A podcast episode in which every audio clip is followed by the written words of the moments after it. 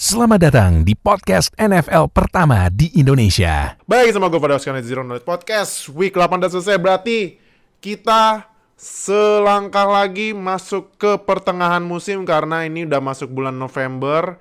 Berarti playoff picture udah mulai kelihatan siapa aja tim-tim yang kemungkinan besar masuk playoff, siapa yang punya kesempatan besar nyuri spot playoff dan siapa juga tim-tim yang udah siapin buat draft tahun depan seperti tim jagoan kita berdua ya. Iya, ya. seperti itulah.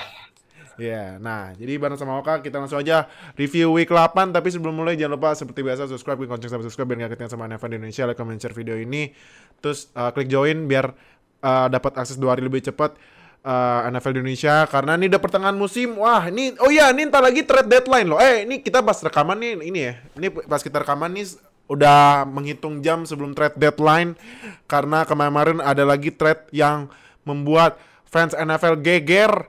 Nah, jadi uh, trade deadline udah mendekat berarti ya itu tanda-tandanya musim NFL udah di ini udah di paruh musim gitu. Hmm. Nah, terus uh, di atasnya join ada super thanks uh, silakan mau kasih berapa mau super thanks berapa karena support kalian meningkatkan kita buat bikin konten NFL di Indonesia. Jadi udah kalau gitu langsung aja kita mulai uh, week 8 review nih hasil skornya. Yang pertama ini Ravens ngalahin Buccaneers 27-22 dan apa kita mesti kasih apa ya beritain kali. Kita kita nggak usah bahas tapi kita beritain aja kali ya yang berita yang abis match selesai itu ya. Apa yes. kali ya? Benar benar. Nah, jadi kita nggak mau komentar cuman kita cuman kita uh, hanya infoin aja jadi kemarin itu dengan sangat disayangkan ya Tom Brady resmi bercerai sama Giselle. Giselle apa Giselle ya? Giselle, Giselle yeah, Bundchen. Giselle.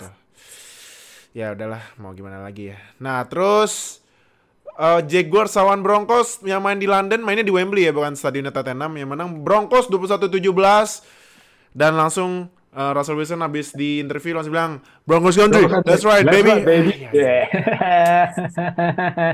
Tuh kalimat keluar lagi deh anjir, anjir. Aktif banget tuh, nggak ada malunya. Udah di London gitu. Aduh. Nah, terus Lions sama Dolphins menang Dolphins 31-27. Uh, tua lagi-lagi ya kembali berkasa ya bersama Tyreek Hill wow. dan Jalen Waddle. Kalau Lions ya setelan pabrik lagi ya kan? Ya, selalu defense-nya jebol seperti biasa sebenarnya itu. Iya. Nah, terus next. Falcons sama Panthers ini menurut gue match seru banget karena ini pertandingan yang kalau menang langsung memimpin NFC South karena NFC, NFC South ini sekarang jadi NFC East.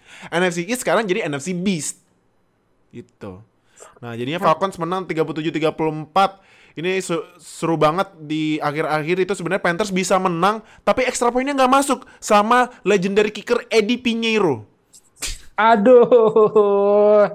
Aduh. Isti istilahnya adalah uh, you can take player out of bears but you can take bears out of player. Nah. Ini itu mantan kickernya Bears dan sering miss field goal juga tuh. Jadi ya udah emang kebawa kebiasaan dari Chicago emang kayak gitu. Aduh, makanya kan. Ah, padahal itu udah ada ini ya, udah ada kesempatan gitu Panthers juga pas di overtime tendangan field goal mencong dia. Wih, ke kiri. Padahal stadionnya pakai dom loh. nggak ada angin. Literally nggak ada angin. Iya. Dan tendangannya masih mencong. Ah, sampai di Jammer sempat disorot kan di kamera di setan udah dosa apa? Gue main di tim ini ya. Aduh tapi ya karena Panther sekarang lagi di pick nomor 2 nggak salah ya. Karena satunya masih Lions rekornya 16 ya siapa tahu bisa ambil si Stroud atau Bryce Young kan? Nah hmm. kita lihat aja tahun depan beneran ya di top 5 tuh Panthers.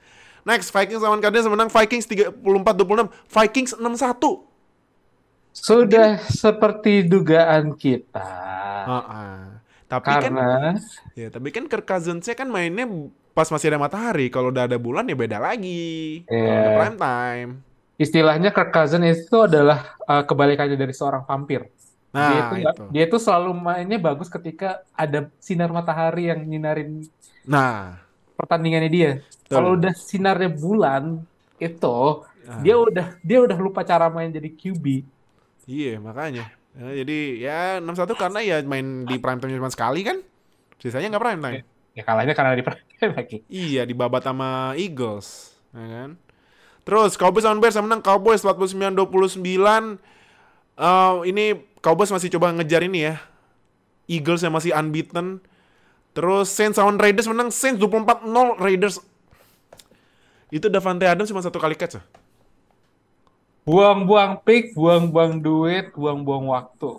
Itu Devante Adams main sama Derek Carr itu nggak sesuai harapan dia main Iya, sama temen kampus. Ya, mau dibilang college buddies, cuman ya college buddiesnya udah main dari berapa tahun lalu. Kalau misalnya kayak contoh Jobur sama Jamarcus kan ya mainnya udah baru dua satu tahun satu tahun dua tahun lalu kan masih ada chemistry. Ini kan udah lama ya. Kalau alasan itu mah ya nggak bisa ya. Kan main ini udah lama, udah sekitar tujuh tahun yang lalu, ya kan? Oh, iya. Aduh. Terus Eagles lawan Steelers menang Eagles 35-13 Eagles masih unbeaten Steelers gue ngomong komentar lagi gue udah capek Dah bodo amat Yang penting gue intinya maunya Matt Canada dipecat dah Itu aja Dah Yep, benar. Next Patriots lawan Jets menang Patriots 22-17 Akhirnya Patriots uh, bisa hentiin laju Jets ya Tapi ya Jetsnya masih rekornya masih bagus 5-3 Masih bagus loh Next Texans Tit- Titans menang Titans 17-10 Ya tim lu ketemu bapaknya ya dari Henry Hari-hari soalnya kita ngelawan Aduh. Derek Henry football team itu selalu bawaannya tuh jadi, jadi anaknya Tennessee ini Derek Henry football team. Gue ngomong Iya. ngomong Tennessee Titans. Tennessee Karena lagi-lagi dan lagi-lagi dan lagi-lagi Derrick Henry lawan Texans 200 plus rushing yards dan 2 touchdown. Gila ya. Gila. Saya gue mau gue intinya mau kesel gara-gara pertandingan ini cuman karena gue punya Derek Henry di fantasy jadi gue gak begitu kesel. Yaudah, ya. Jadi ini ada seimbang ya dari kesel langsung diturun ya. Iya. Jadi senang dikit ya. Ada senang Nah, next ini TBD ini ini uh, error di- dari Google ya gue karena karena gue ambil dari Google ini TBD ini Seahawks. Seahawks lawan Giants menang Seahawks 27-13. Gino Smith season emang ya. Oke lah. Gila sih Gino Smith. Fix sih MVP sih Gino Smith sih. Kesambet Dan apa ya deh? Mimpin divisi juga di NFC West. Gokil loh, bisa ngalahin Giants yang lagi red hot banget. Blue hot, blue kan warna biru ya, blue hot. Nah. Colts lawan Commanders sama menang Commanders 17-16 ini Frank Reich kayaknya bentar lagi bakal dipecat ya. Ah, ya ini emang udah prediksi dari awal kita juga sih. Kayak pelatih kayak Frank Reich, Ron Rivera itu bakal ada di hot seat saat ini. Heeh. Jadi ini emang kayaknya udah cukup lama juga dikasih kesabaran buat Frank Reich. Jadi ya pantas sekarang lagi di hot seat. Hmm, oke. Next, Rams lawan 49ers yang menang 49ers 31-14. Christian McCaffrey. Gila ya. Itu eh contoh dari istilah eh menggendong tim di punggungnya atau palu gada. Apa lu yang mau? Gua ada. Lo mau gua bikin rushing touchdown? Udah biasa. Lo mau, bi- mau lihat gua bikin receiving touchdown? Udah biasa.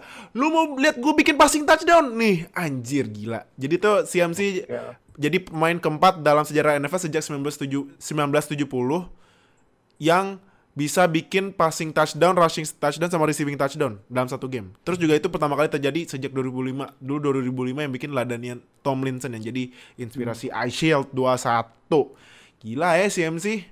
Tapi Damn. kasih ya, tapi buat yang main fantasy ini udah tau CMC bisa gitu, wah yang punya Dibo, aduh, pusing dah. Yang punya Dibo. Udah gitu Dibo kemarin out kan, gak main kan lawan Rams. Iya. Nah, pusing dah tuh kalau main lagi. Poinnya kecil dah. Harga Dibo kayak di fantasy bakal turun tuh. Hmm. CMC mah mak- makin-makin dah, makin-makin. Jadi siapa tuh yang buat lo siapa dari lo yang pas di draft pada gak berani ngedraft CMC termasuk gua. ah, iyalah.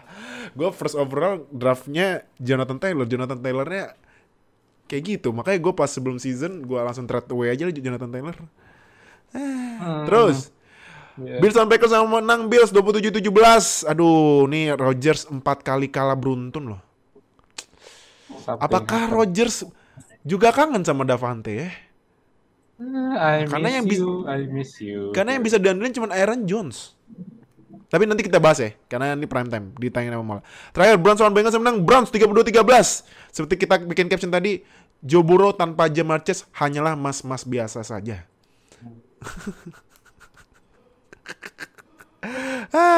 Aduh, parah sih. Gue gue juga kaget gila Browns bisa gak kasih skor ke Bengals sampai quarter 3 loh.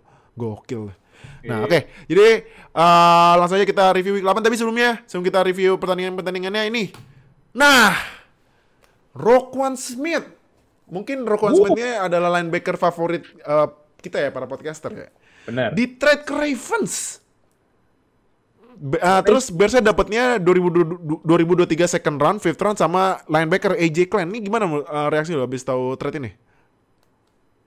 Second round untuk seorang Roquan Smith eh, dengan kondisinya saat ini sih sebenarnya agak riskan ya. Karena Hmm. Roquan Smith ya kalau kualitas ini nggak usah ditanya sih. Cuman dia ini kan lagi expiring kontrak. Kemarin juga dia fifth year option dan dia katanya nggak mau main di franchise tag. Jadi Iya. eh sekarang ini Ravens udah ngeluarin pick yang lumayan tinggi juga. Jadi pilihan mereka ya harus bisa extend Roquan Smith. Tapi di sisi lain Roquan Smith sendiri ini juga salah satu linebacker terbaik di NFL juga sih. Hmm. Jadi ini bisa nambel kelemahannya dari Ravens yang lemah banget ketika ngelawan run. Mak- eh, makanya waktu beberapa minggu yang lalu mereka sempat diobrak-abrik sama Browns dan juga tim-tim lainnya yang emang run oriented juga. Mhm.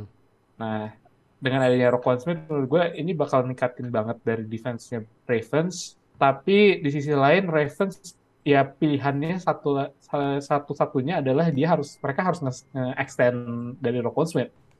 Dan Roquan Smith pasti akan minta kontrak yang segede gaban.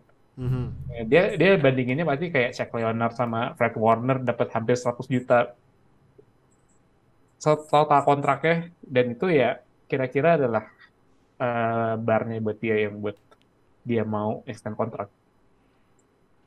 Iya, jadi eh kalau menurut gue ya second run eh, buat Roquan Smith entah kenapa murah ya. Karena Mhm. ya Roquan Smith tackling machine gitu. Jadi Iya, iya. murah sih. Maka jadi eh, walaupun didapat linebacker juga linebackernya ya nggak nggak nggak sepadan sama ininya Roquan Smith sih. Iya. Kalau menurut gue. Sebenarnya intinya sebenarnya AJ Klein itu juga eh, non starter juga sih. Iya, jadi ya Kalau kalau bisa extend kontraknya Roquan Smith sih ini steal banget buat Ravens hmm. second round itu. Oke oke. Tapi eh, ini Ravens lagi-lagi ya tradisi eh, ngedraft atau nge-trade best player available tetap kepake ya. Oh Gila, iya. ini numpuk banget. Roquan Smith nanti main sama Patrick Quinn loh. Mhm. Ya kan Terus- sama David Ojabo. Ya, Justin Houston juga. Nah, Justin Houston. Terus juga ada Jason Pierre-Paul. Ah, Pierre Paul gila di sih. depan. Dan itu Ravens juga lagi mimpin AFC AFC North lagi. Wah, udahlah. Fix sih kayak Ravens yang menang sih. Nggak Aduh. lucu sih, tapi ya kalau kayak sih kayak gitu. Oke. Nah, langsung aja kita review uh, week 8. Yang pertama ini nih, aduh, nih yang main di Wembley kemarin ya. Broncos lawan Jaguars gimana menurut kemarin matchnya? Eh, gue gue mengharap jauh mengharap jauh lebih banyak kepada Trevor ya. Mhm. Ini Trevor juga sempat menjanjikan di beberapa pekan awal, sekarang udah balik ke tanah, udah balik lagi jadi kayak pas dia rookie. Dan kemarin juga penampilannya nggak ada nggak ada bagus-bagusnya setelah pas pertama. Dan defense dan basically offense Jaguars tuh di carry sama Travis Etienne.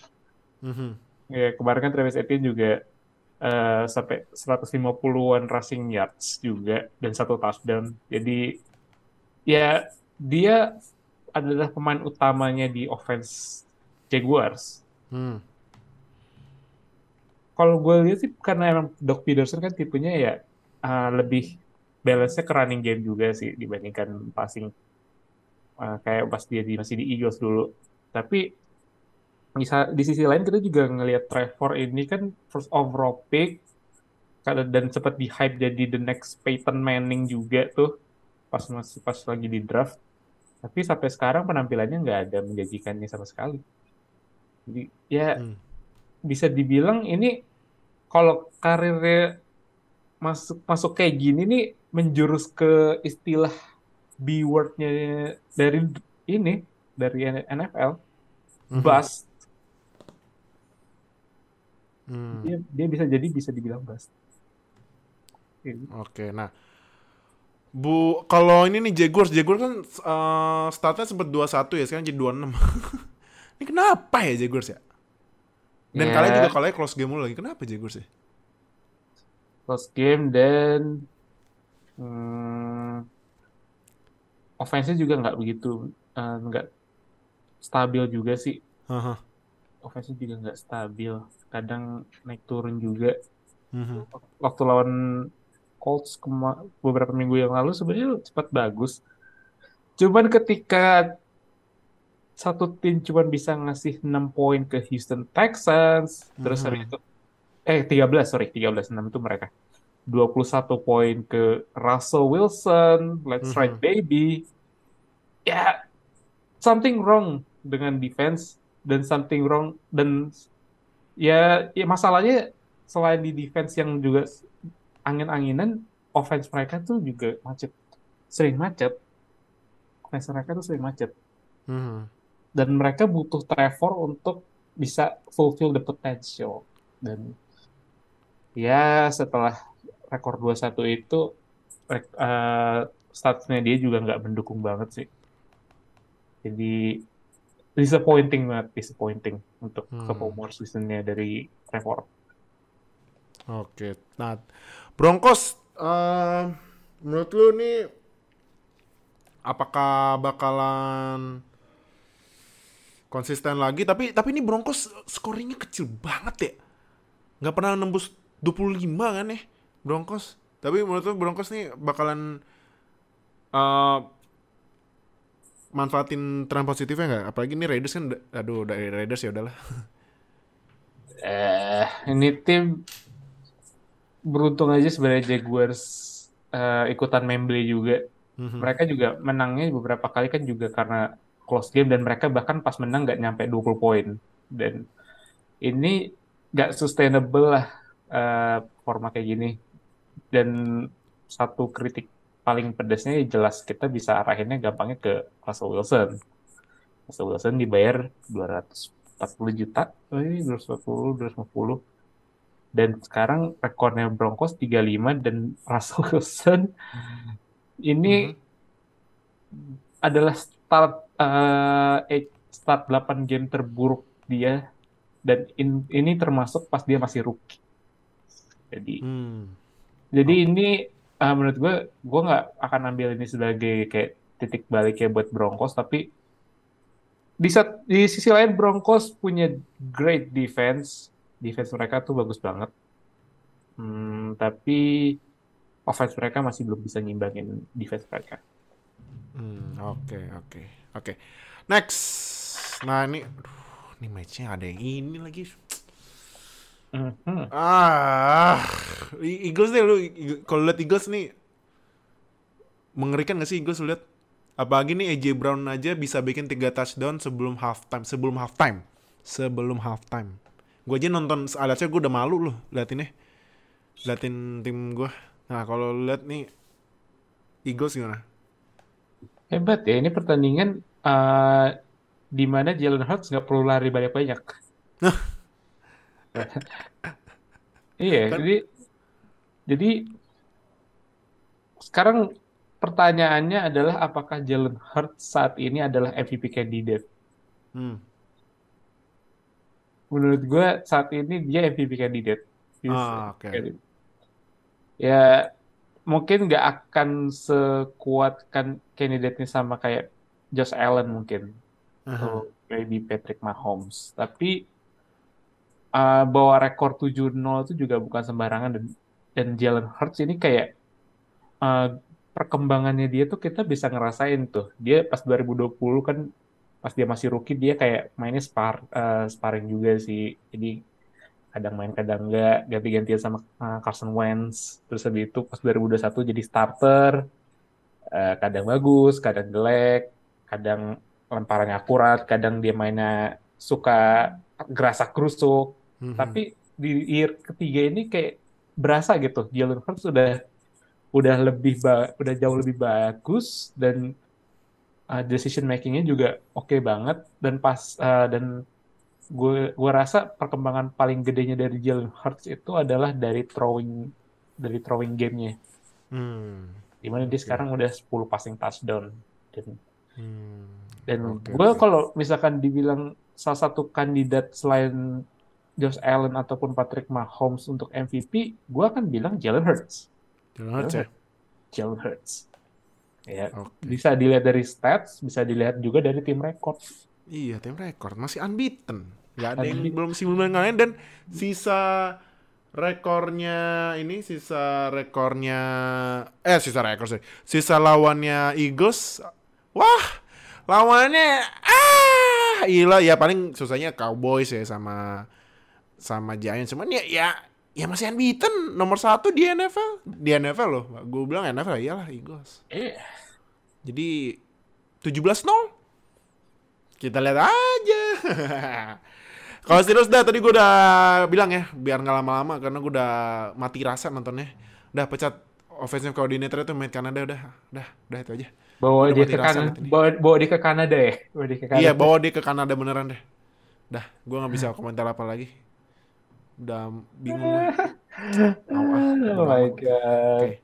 Next. Nah, ini Patriots lawan Jets yang menang Patriots. Nah, ini menurut lu abis Mac Jones di bench pas week kemarin nih dapat ini nggak hidayah gitu ya. Dan tiba-tiba dia menang lawan Jets loh. Jets kan defense-nya bagus. Dan ternyata menang. Patriots ya.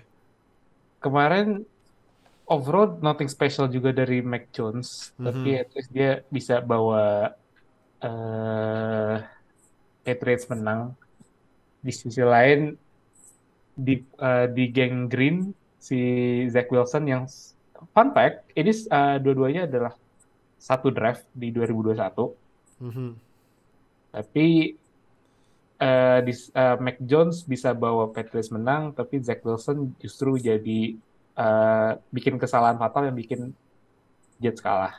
Tiga interception soalnya. Tiga interception itu itu udah menjurus ke bad performance itu, Nggak- bukan menjurus lagi bad performance. Hmm. Ya Mac Jones sih overall juga nggak begitu spesial, tapi at least dia kayak kita bilang musim lalu Mac Jones itu tipe quarterback yang jarang bikin kesalahan. Hmm. Dan- Sedangkan Zach Wilson itu gue ngeliatnya kayak dia tuh mainnya kayak uh, the quicker uh, the quicker ver- uh, the quicker version of Baker Mayfield ya. Gue ngeliatnya Hmm, gue oke. gue ngeliatnya tipenya kayak Baker Mayfield. Ya, Hmm. jadi emang kayak ada something missing aja sih dari Zach Wilson. Kayak dia harus lebih bisa step up gitu. Ya, kalaupun nasibnya bakal kayak Mark Sanchez gitu, quarterback Jets yang ataupun Sam Darnold lebih parah lagi, ya Mhm. Jets harus was-was. Tapi saat ini tim mereka tuh lagi bagus, lumayan bagus, Mhm. uh, especially di defense. Jadi gue bisa gue bisa bilang saat ini uh, missing link-nya dari Jets itu ada di Zach Wilson. Zach Wilson harus bisa step up, bisa lebih bagus dibandingkan counterpartnya Mac Jones agar Jets bisa jadi bagus lagi kayak last uh, 10 10 tahun yang lalu kayaknya ya mereka terakhir kali bagus tuh. Mhm. Jets masuk playoff itu kan terakhir 2010 2011 ya. Jadi udah lama banget dan ya savior mereka Zach Wilson harus bisa step up di sini, harus bisa jadi the next great QB buat New York Jets. Hmm, oke. Next ya, Mhm. Bills lawan Packers yang menang Bills 27-17. Josh Allen. Gila ya. Gimana menurut tuh pertandingan kemarin? minus dua interception yang dia bikin yang gara-gara dia kebanyakan pengen ningkatin statsnya dia nih kayak Iya. bandel orangnya. Tapi kalau misalkan kita buang dua interception itu, dia main kemarin bagus banget. Iya. Memang nggak kelihatan dari stats, tapi dia bisa bisa jadi dual threat quarterback yang emang dia powernya di situ. Jadi dia bisa Mhm. bawa, bisa lari juga dan bisa lemparnya itu tangannya itu eh, segede banget sih itu power eh, arm powernya itu dia bisa sampai 53 yard ke Stephon Diggs, 41 yard ke- eh ya 41 yard ke James Cook juga. Jadi eh, ini offense sebenarnya salah satu yang terbaik di NFL kecuali kalau mereka udah mulai penyakitnya sebenarnya penyakitnya Josh Allen tuh sama kayak Patrick Mahomes. Apa tuh? Suka lari? Maksa? Gerasa kusuk? Hero ball, Oh, ya hero ball, ya. hero ball. Oke. Jadi kalau kita eh, kalau misalkan yang belum pernah dengar hero ball itu adalah mereka tipe Q quarterback yang suka maksain buat lempar bola ketika mereka nggak Mhm. harus lempar. Dan itu kadang-kadang Josh Allen kayak udah merasa jumawa gitu lah, udah ah ini defense gampang ternyata ya udah lempar terus lempar terus. Tapi pada akhirnya dua interception kemarin ya untungnya eh, Packers passing offense-nya juga nggak begitu kelihatan. Rodgers juga kayak agak su agak susah buat nemuin pemain yang dia percaya. Kemarin tuh juga leading eh, receiver-nya juga Romeo Doubs kan ya. Itu pun juga sebenarnya di eh, Rodgers suka nggak begitu sering ngelihat Romeo Doubs gitu dia sering ngeliat sana kemari gitu ngeliatin Tonyan, ngeliatin Amari Rodgers atau ngeliatin rookie-nya siapa yang nama belakangnya kayak main bola itu? Yang kemarin bikin touchdown juga.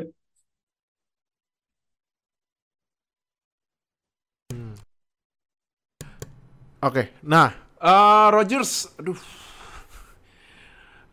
Eh, ini kan gue kita eh, sempat baca berita ya, katanya Packers lagi coba cari WR. Nah, apakah Packers bakal gerak nyari WR buat Rodgers? ah Tapi kan ini kan kita rekamannya sebelum trade deadline ya. Siapa tahu pas trade deadline udah deket-deket trade deadline nanti eh, pas kita rekaman berarti besok jam besok hari Rabu jam 3 pagi tahu-tahu Packers dapat wide receiver kan. Nah, tapi kalau ini kan kita bahasnya sebelum ini ya. Belum ada beritanya. Apakah Packers bakal gerak cari WR buat Rodgers di trade? Hmm, gua rasa sih based on historinya juga dari Packers enggak ya. Mhm. Jadi jangan berharap banyak buat Cheeseheads. Tapi kalaupun mereka gerak akhirnya untuk ambil WR, saat ini market WR yang bisa di trade tuh lumayan banyak lah, bisa di Mhm. kita katakan lumayan banyak. Contoh ada DJ Moore dari Carolina Panthers, terus Mhm. ada Brandon Cooks dari Houston Texans, Ya. terus maybe C- ada yang bilang Chase Claypool dari Steelers nih, Chase Claypool. Hmm, ya mungkin kayak kayak yang lebih murah kayak Robert Woods ataupun ini Mhm. ataupun Jarvis Landry gitu misalkan. Yang pasti Rodgers paling suka sama WR yang route runningnya bagus banget. Hmm. Jadi dia nggak butuh speedster, dia nggak butuh yang badannya gede banget, dia cuma butuh yang uh, route runningnya tuh rapi gitu. Makanya dia suka banget uh, WR kayak uh, Greg Jennings, kayak Jordy Nelson, Randall Cobb, Devante Adams. Itu route runningnya bagus semua. Hmm. Nah, Oke. kuncinya di situ kalau misalkan Packers mau cari wide receiver. Ya, jangan terlalu berharap. Biasanya Mhm. sih Packers suka diem aja kalau udah trade deadline. Ya udah, ada Rodgers, udah Rodgers dan Bismillah gitu loh mereka. Hmm, oke oke. Nah, eh terakhir nih Bengals lawan Browns yang menang Browns 32-13. Lu, lu ya sebenarnya nggak ada Chase kan kita udah bilang kan di awal. Joe Burrow tanpa Chase adalah mas-mas biasa. Tapi lu kag, lu shock gak sih lihat eh, Browns yang nggak kasih skor satupun ke Bengals sampai third quarter loh. Jujur, gue nggak nyangka akan setelak itu kalah ya. Aha. Karena pas quarter awal juga Brissett kena hajar terus sama Iya. Bengals. dan Sama juga rusher-nya Bengals ya. ya rusher Sampai sempat limping juga tuh. Gue liat. sampai sampai lemes loh jadi ditap, Sampai lemes, iya. sama pass rusher-nya. Tapi kemarin Joe Burrow juga dihajar habis-habisan juga sih sama defensive Mhm. line-nya dari Browns. Miles Garrett, gue ya gue yakin Myles saat ini dia adalah kandidat defensive player of the year. Gue ya akan bilang dia not top 10, top 5, top Iya. 3, gue at least top 3, top 3 pass rusher Iyalah. gue nggak akan pilih yang lain. Paling yang bisa ngalahin uh, Garrett saat ini uh, minus TJ Watt karena dia masih cedera.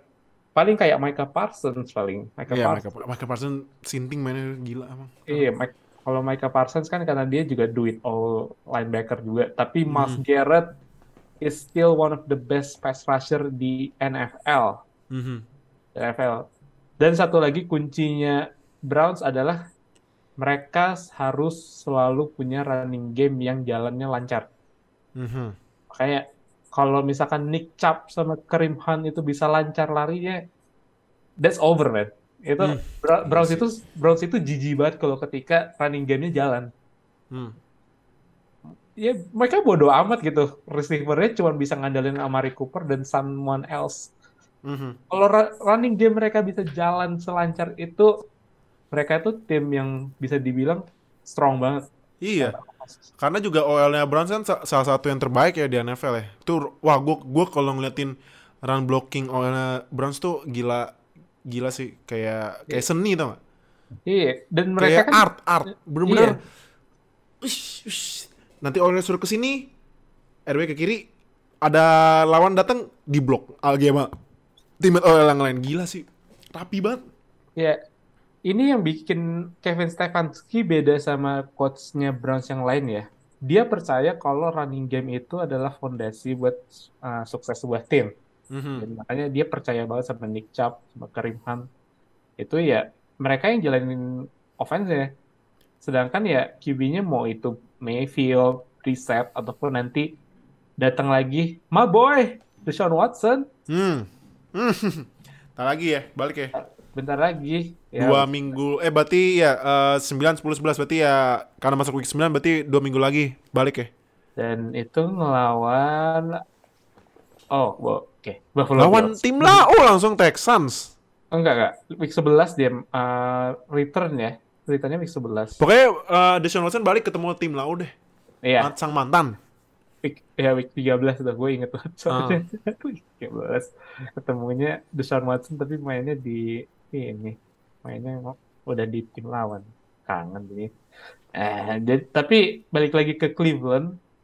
eh gua rasa sih kelemahan mereka masih di secondary ya. Mhm. cornerback mereka kayaknya kehilangan banget Denzel Ward deh. Denzel, nggak main. Ward, iya Denzel sih. Ward kemarin nggak main. nggak dan- main nih Denzel Ward. Sebenarnya sih ya karena ya pada akhirnya kan ke offset juga kan uh, advantage-nya karena Mhm. Cleveland nggak ada Denzel Ward, uh, Bengals nggak ada Jamar Chase. Nah, untungnya gitu ya, untungnya nggak ada Jamar Chase. Kalau ada Jamar Iya. Chase, wah udahlah. Kalau Wow. dari kayak gitu shoot out sih. itu sampai pe- sampai detik terakhir itu mungkin masih tanding itu. Mhm. Tapi offense-nya Browns itu selalu heavy di running game dan itu yang bikin mereka very formidable team. Hmm. Oke. Nah, eh Beng, apa ini ini Browns. Tadi ada beritanya katanya Karim Khan bakalan di trade. Ah, menurut lo kalau lo jadi Browns bakal nge-trade Karim Khan nggak? Kalau iya, minta round berapa? Kalau nggak, kenapa? Tergantung dari timnya juga sih yang nge-trade ya. Kalau misalkan tim yang nge-trade tuh kayak contender mirip, mirip Rams atau mungkin ya yang butuh RB2 yang bisa ngimbangin RB1-nya misalkan kayak Giants ataupun uh, ya beberapa tim lainnya sih ya. Tapi eh, Kareem Hunt kita Karim udah tahu masih bisa RB1 ya. Nah sih, dia itu karena emang uh, mainnya di Cleveland Browns sudah ada Nick Chubb, jadi dia ya settle aja buat RB2 gitu, masuk Iya. masuk kayak kayak ngacak-ngacak yang lebih dia tipe yang lebih uh, Atau mungkin ya. ini, atau mungkin Karim Han balik ke Chiefs atau ternyata ke Dolphins itu bareng sama Tyreek Hill? isu-isunya sih katanya ada yang bilang ke Chiefs karena Chiefs lagi butuh buat running back setelah Ceh juga Ah. sempat cedera ya Ceh itu ya. Eh, Ceh, Ceh sebenarnya nggak cedera juga sih. Ya Tapi diganti sama Pacheco. itulah dia. Udah diganti seven rounder loh tuh. Hmm. Mhm. Miami cukup eh cukup menarik ya, cukup Mhm. menarik. Ya mereka kayak masih bingung buat nyari RB satunya mereka saat ini kan masih Raheem Mostert, ada Ch- Chase Edmonds, dan RB mereka juga kayaknya full banget secara depth chart. Jadi gue nggak ngelihat mereka bakal coba push terlalu baik, terlalu dalam buat Kareem Hunt. Maybe Chiefs, kalau misalkan Chiefs itu bisa mereka ngover second round. Hmm. Kalau mereka desperate banget buat running game. Dan itu ya Karim Han ya kita tahu dulu sempat kandidat offensive rookie of the year, leading rusher juga di NFL. Jadi ya mereka tahu kalau Karim Han ya bisa handle the workload. Hmm. Oke. Nah, Ya. jadi itu review di week 8. Nah, kita langsung ke peringkatnya ya. Kita mulai dari NFC Beast dulu. Oke. NFC Beast, Eagles 7-0. Cowboys 62, Giants 62, Commanders 44. Gila nih ini divisi yang gak ada losing record. Ya ada sih NFC AFC sih, ada AFC East. Cuman gokil sih NFC East gila, gila sih, gila. Gokil yang dulunya kita ceng-cengin karena divisi tersayang ya. Sekarang ah pada ngelat- ngetawain kita. Ah lu sekarang gue yang cengin lu pada. Terus AFC East Bills 61, Jets 53, Dolphins 53, Patriots 44. NFC West Seahawks 53, 49ers 44, Rams 34, Cardinals 35, AFC West Chiefs 52, Chargers 43, Broncos 35, Raiders 25. NFC North nih Vikings 61, Packers 35, Bears 35 dan Lions 16. Gila, North udah jauh ya. Vikings. Udah aman Iya. kayaknya. AFC North, Ravens 4 eh Ravens 53, Bengals 44, Browns 35, Steelers 26. Terus eh, NFC South yang sekarang jadi AFC NFC East ya. Falcons 44, Buccaneers 35, Saints 35, Panthers 26 dan terakhir AFC South Titans. Titans dim-dim 52 loh. Gimana cerita ya? Padahal gue Ingat. cek itu point difference-nya Ya. Titans tuh minus 6 loh. Mereka ingat musim lalu ini kayak gini juga. Iya sih, I- iya bener ya. Gue gua akan bilang dari sekarang, Tennessee, eh, Derrick Henry football team is a Mhm. fraud. Jadi nggak usah khawatir mereka rekornya 5-2. Itu pada akhirnya mereka akan membeli sendiri di playoff. Gue yakin deh. 100%. Hmm. Oke. Eh, Colts 341, Jaguars 26 dan Texans tim lo 151. Tanking for, ya brace for Nah, brace. Brace for brace. Jadi gimana nih ntar nih, ntar ya. Kalau nah, kalau misalnya nih lu picknya duluan daripada da- duluan, habis itu gua kan. Lu dulu Yes. habis itu gua. Ada Yes. Will Anderson nih, tapi ada QB. Mau beli siapa? ya? Hmm. Sebenarnya juga ada pick Cleveland juga sih. Wah, Ah. Cleveland kemarin men kemarin men Jadi gimana nih? Mau beli siapa nih? Will Anderson atau QB? Hmm, pick pertama itu Lions. Lions. Eh, Pick keduanya eh ya tim lau 151. Ya. QB sih, kelihatannya akan ngambil QB. Mereka butuh banget eh, QB karena ya Davis Mills kelihatannya tidak menjadi jawaban buat Mhm. buat kita, buat Texans. Jadi between Bryce Young sama CJ Stroud sih, uh, I'll take one of them ya. Mereka Hmm. mereka QB Berarti yang- Will Anderson skip ya?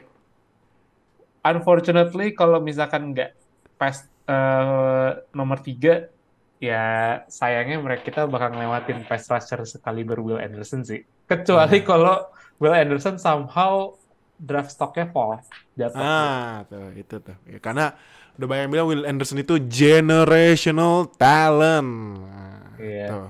Intinya Mas Garrett sih sebenarnya itu. Itu tipe-tipe Iya. Mas Garrett.